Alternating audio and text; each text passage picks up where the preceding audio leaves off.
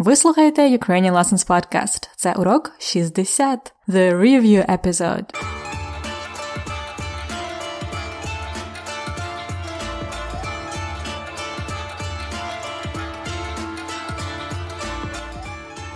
Привіт! Це Анна і новий урок подкасту Ukrainian Lessons. Як справи?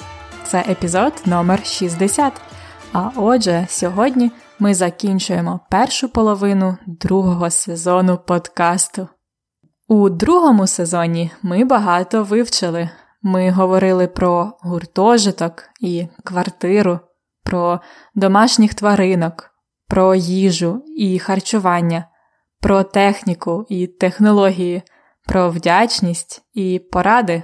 Також ми інтенсивно вивчали граматику, а саме відмінки називний, родовий, давальний і знахідний. Я розумію, що ви можете не на всі сто використовувати ці відмінки, але навіть українці роблять помилки у відмінках, тому це не так важливо. Якщо ви хочете повторити будь-яку тему, ви завжди можете повернутись до епізодів і послухати ще раз. Усі уроки другого сезону є на ukrainianlessons.com season two, and now in English. So this is episode number 60, which means today we're finishing the first half of the second season of the podcast. We have talked about many things during these 20 lessons. Гуртожиток, dormitory, квартира, apartment, їжа, food, харчування, nutrition, техніка, electronics, технології, technology, вдячність, gratitude, поради, advice.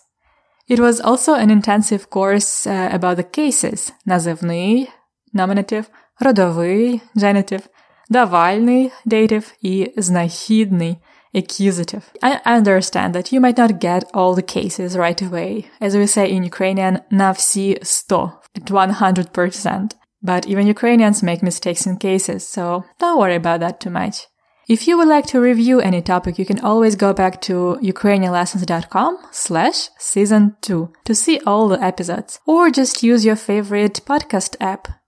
Today we have повторення, the review of some vocabulary and grammar from the last five episodes. I'm going to tell you my розклад на тиждень, my schedule for the week. This is a listening practice lesson, so sit back, relax, and enjoy Ukrainian language and my story. Готові? Ну, то слухайте, я буду говорити повільно. Хочете знати мій розклад на тиждень?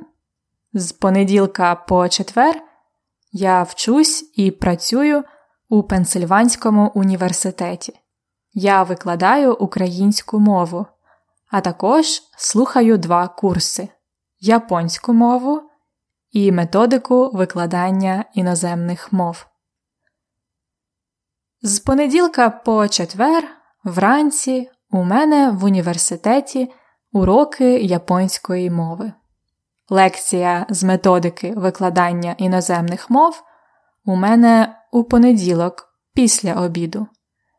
Я викладаю українську мову двічі на тиждень у понеділок і середу ввечері. У п'ятницю я зазвичай працюю вдома. Я маю зустрічі по скайпу, а також я часто роблю щось для своїх проєктів. У суботу у мене день подкасту. Я записую новий епізод і готую нотатки. Зазвичай я багато працюю в суботу, але ввечері розважаюся. Інколи я ходжу в кіно чи в ресторан. Інколи я запрошую в гості друзів чи ходжу в гості. У неділю я часто їжджу на природу, в парк чи в ліс. Якщо я вдома, то я бігаю в парку чи займаюся спортом. Потім в неділю я зазвичай багато готую, щоб мати їжу на весь тиждень. Також в неділю ввечері я планую наступний тиждень. Мої дні зараз дуже зайняті. але дуже цікаві. Добре, добре. Хочете слухати ще раз, але швидко, в нормальному темпі? Добре, але спочатку послухайте сім запитань, на які вам треба буде дати відповідь. Запитання 1. Що я роблю з понеділка по четвер? Note this structure з понеділка from Monday. Понеділка is in genitive here. З понеділка по четвер. Till Thursday. По comes with accusative here. По четвер. So we would say з понеділка по п'ятницю, з вівторка по суботу. And so on. То запитання один. Що я роблю з понеділка по четвер? Запитання 2. Які я слухаю курси в університеті? Here is what we say in Ukrainian. Слухати курси is to take courses at the university. Uh, we use literally to listen to the courses. Слухати курси. Які я слухаю курси в університеті? Запитання 3. Коли я викладаю українську мову? Так. Запитання 4. Коли я зазвичай працюю вдома? Зазвичай usually, так? Коли я зазвичай працюю вдома. Вдома at home. Запитання 5. Як я розважаюся в суботу? Remember, розважатися. It's actually what people do on Saturday evening. Розважатися. To have fun. Розважатися. Запитання 6. Що я люблю робити в неділю? Що я люблю робити в неділю? І запитання 7. Що я роблю в неділю ввечері? Ввечері in the evening. Remember, вранці in the morning, вдень in the during the day, після обіду in the afternoon, після обіду, after lunch literally, і ввечері in the evening. Добре. То це сім запитань. А зараз слухайте мою розповідь ще раз.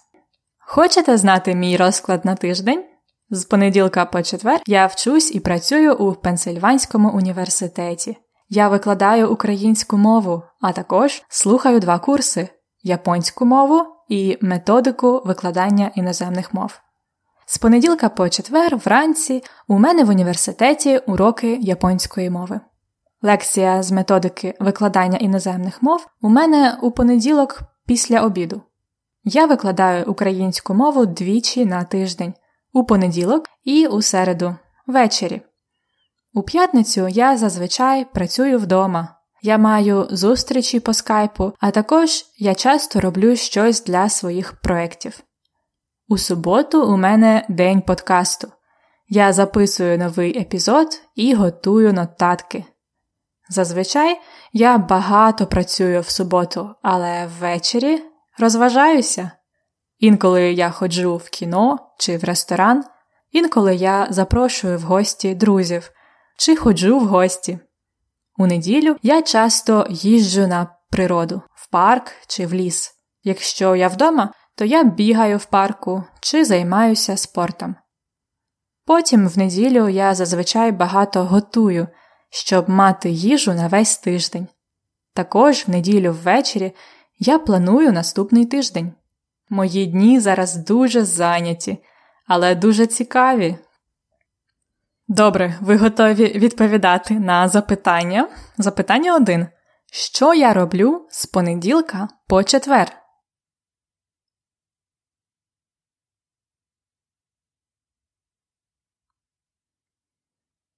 I'm leaving the blanks for you to respond, so say it aloud if you can. So you could say from понеділок till четвер you study and work at the University of Pennsylvania.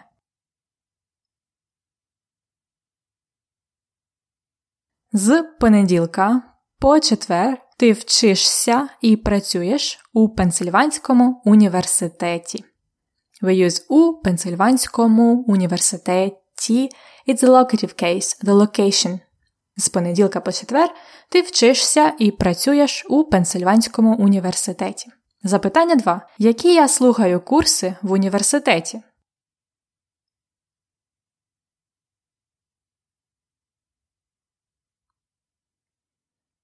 Які курси? Ти слухаєш японську мову. So we have Sluchate with accusative, of course, it's direct object. So sluchate kursy, kursy doesn't change, it's plural. But японську мову is accusative, feminine, changes to u. Ти слухаєш японську мову. І what is the second course? І методику викладання іноземних мов. So this is a bit tricky. It has um, different cases. So я слухаю I take методику, the methodology in accusative, and then the methodology of what? Of teaching foreign languages. Методику викладання, genitive, іноземних мов, again genitive, teaching foreign languages. Ти слухаєш японську мову і методику викладання іноземних мов. Добре. Запитання 3. Коли я викладаю українську мову?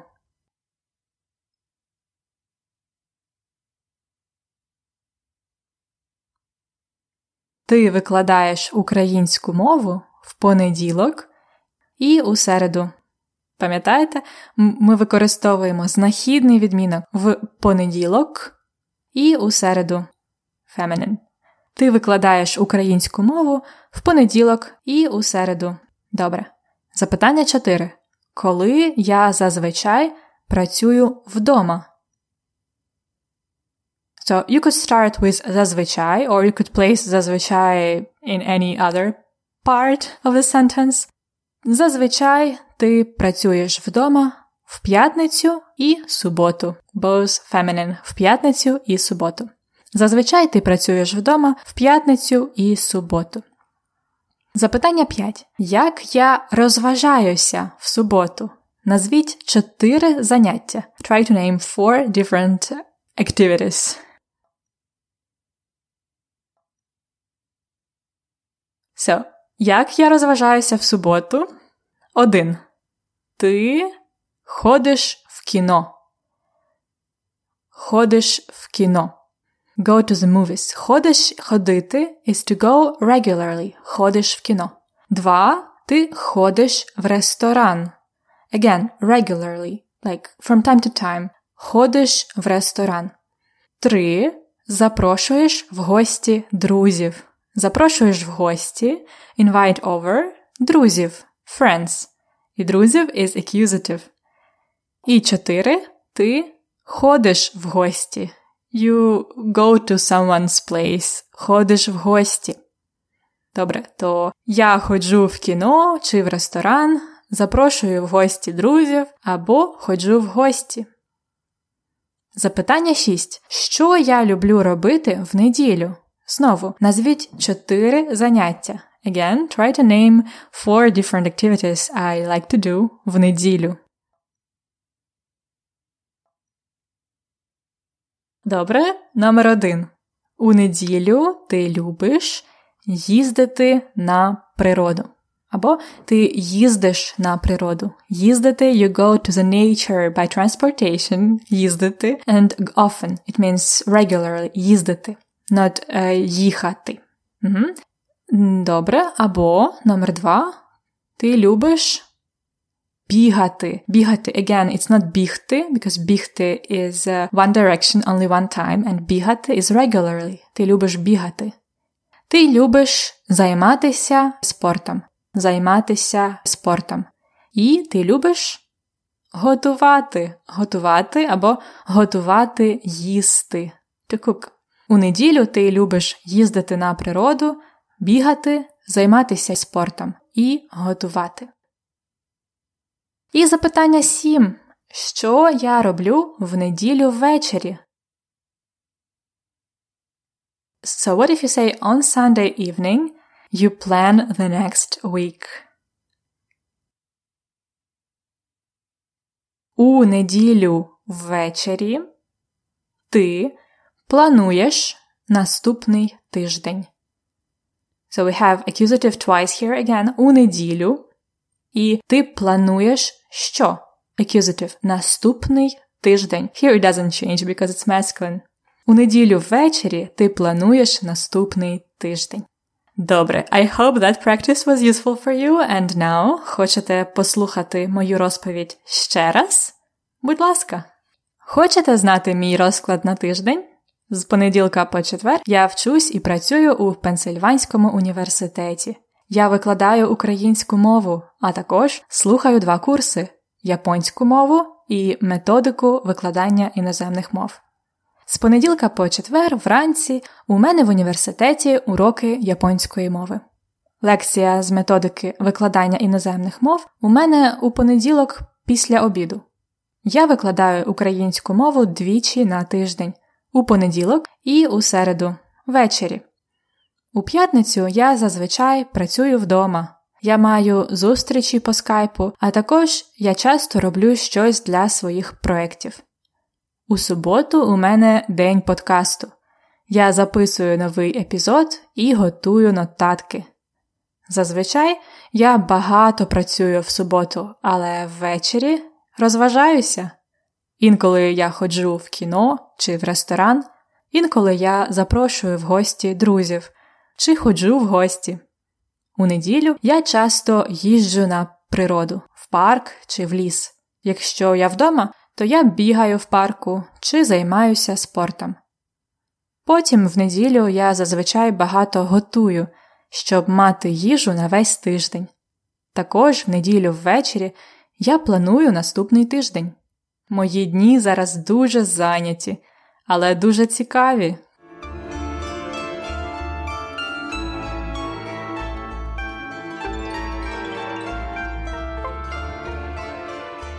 Час практики на подкасті. I have prepared for you some phrases with only the words we used during the last four episodes and the accusative case. Are you ready to say them in Ukrainian? Спробуйте! Номер один. To look for a tutor. Пам'ятаєте tutor? Шукати репетитора. Репетитора. Accusative case of a person. Шукати репетитора. Номер два. To sing songs.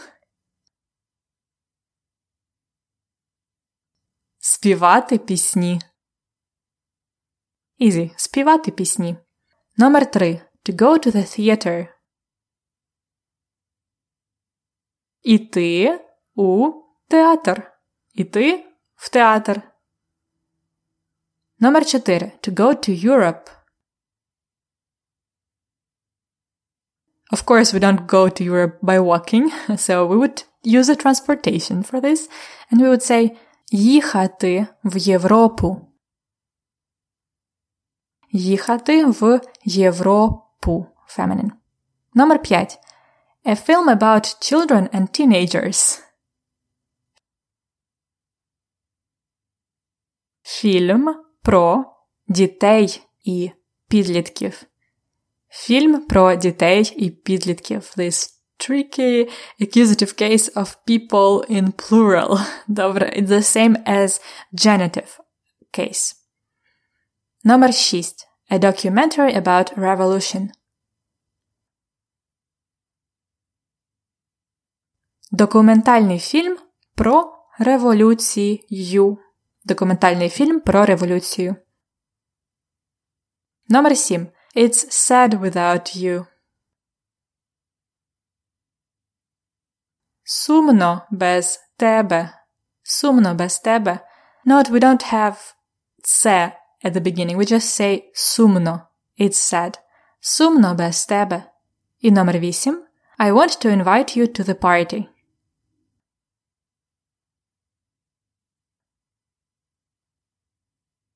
Я хочу запросити тебе на вечірку. Я хочу запросити тебе на вечірку. So we use accusative twice here. Запросити тебе with a stress at the end. І на вечірку to the party. На because it's the event. На вечірку. Добре, and I have prepared some more, more complex sentences to practice the accusative case with the vocabulary you know in the lesson notes of this episode.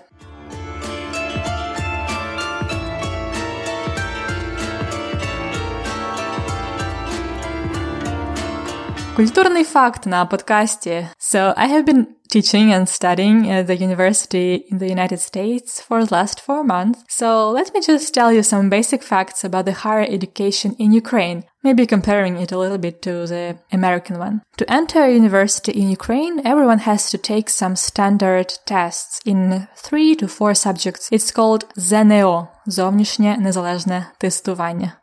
Comparing to the United States, in Ukraine there are not many good private universities. Most of the universities are state ones and most of the good universities are also state ones. It means that many people in Ukraine have access to free education. Plus they receive a small scholarship. It's really small. It's like pocket money. Everything depends on the test results. If the person had a very good, like excellent the best test results ever, like uh, geeky me had, he or she can apply and study in one of the best institutions. Anyone. Anyone you want. On the contrary, if the applicant has low scores, he or she can go to the worse university to study for free or still apply to the good one, but pay for the studies. Now in Ukraine we follow the Bologna educational reform. So we have four-year bachelor programs and after that you can apply to the master program. It's usually from one and a half to two years. It's uh, of course longer for doctors. Unlike uh, in the United States, we know our major from the very beginning, and from the first year we have both general and major specific courses. The problem is that there are just too many general courses that are quite boring, like the safety of labor. Uh, those ones take time and are practically useless. I wish we could study more foreign languages instead. Okay, so those were some very basic facts about the universities in Ukraine, and if you'd like to know something more, leave a comment at ukrainianlessons.com slash episode 60 and I will answer to your question.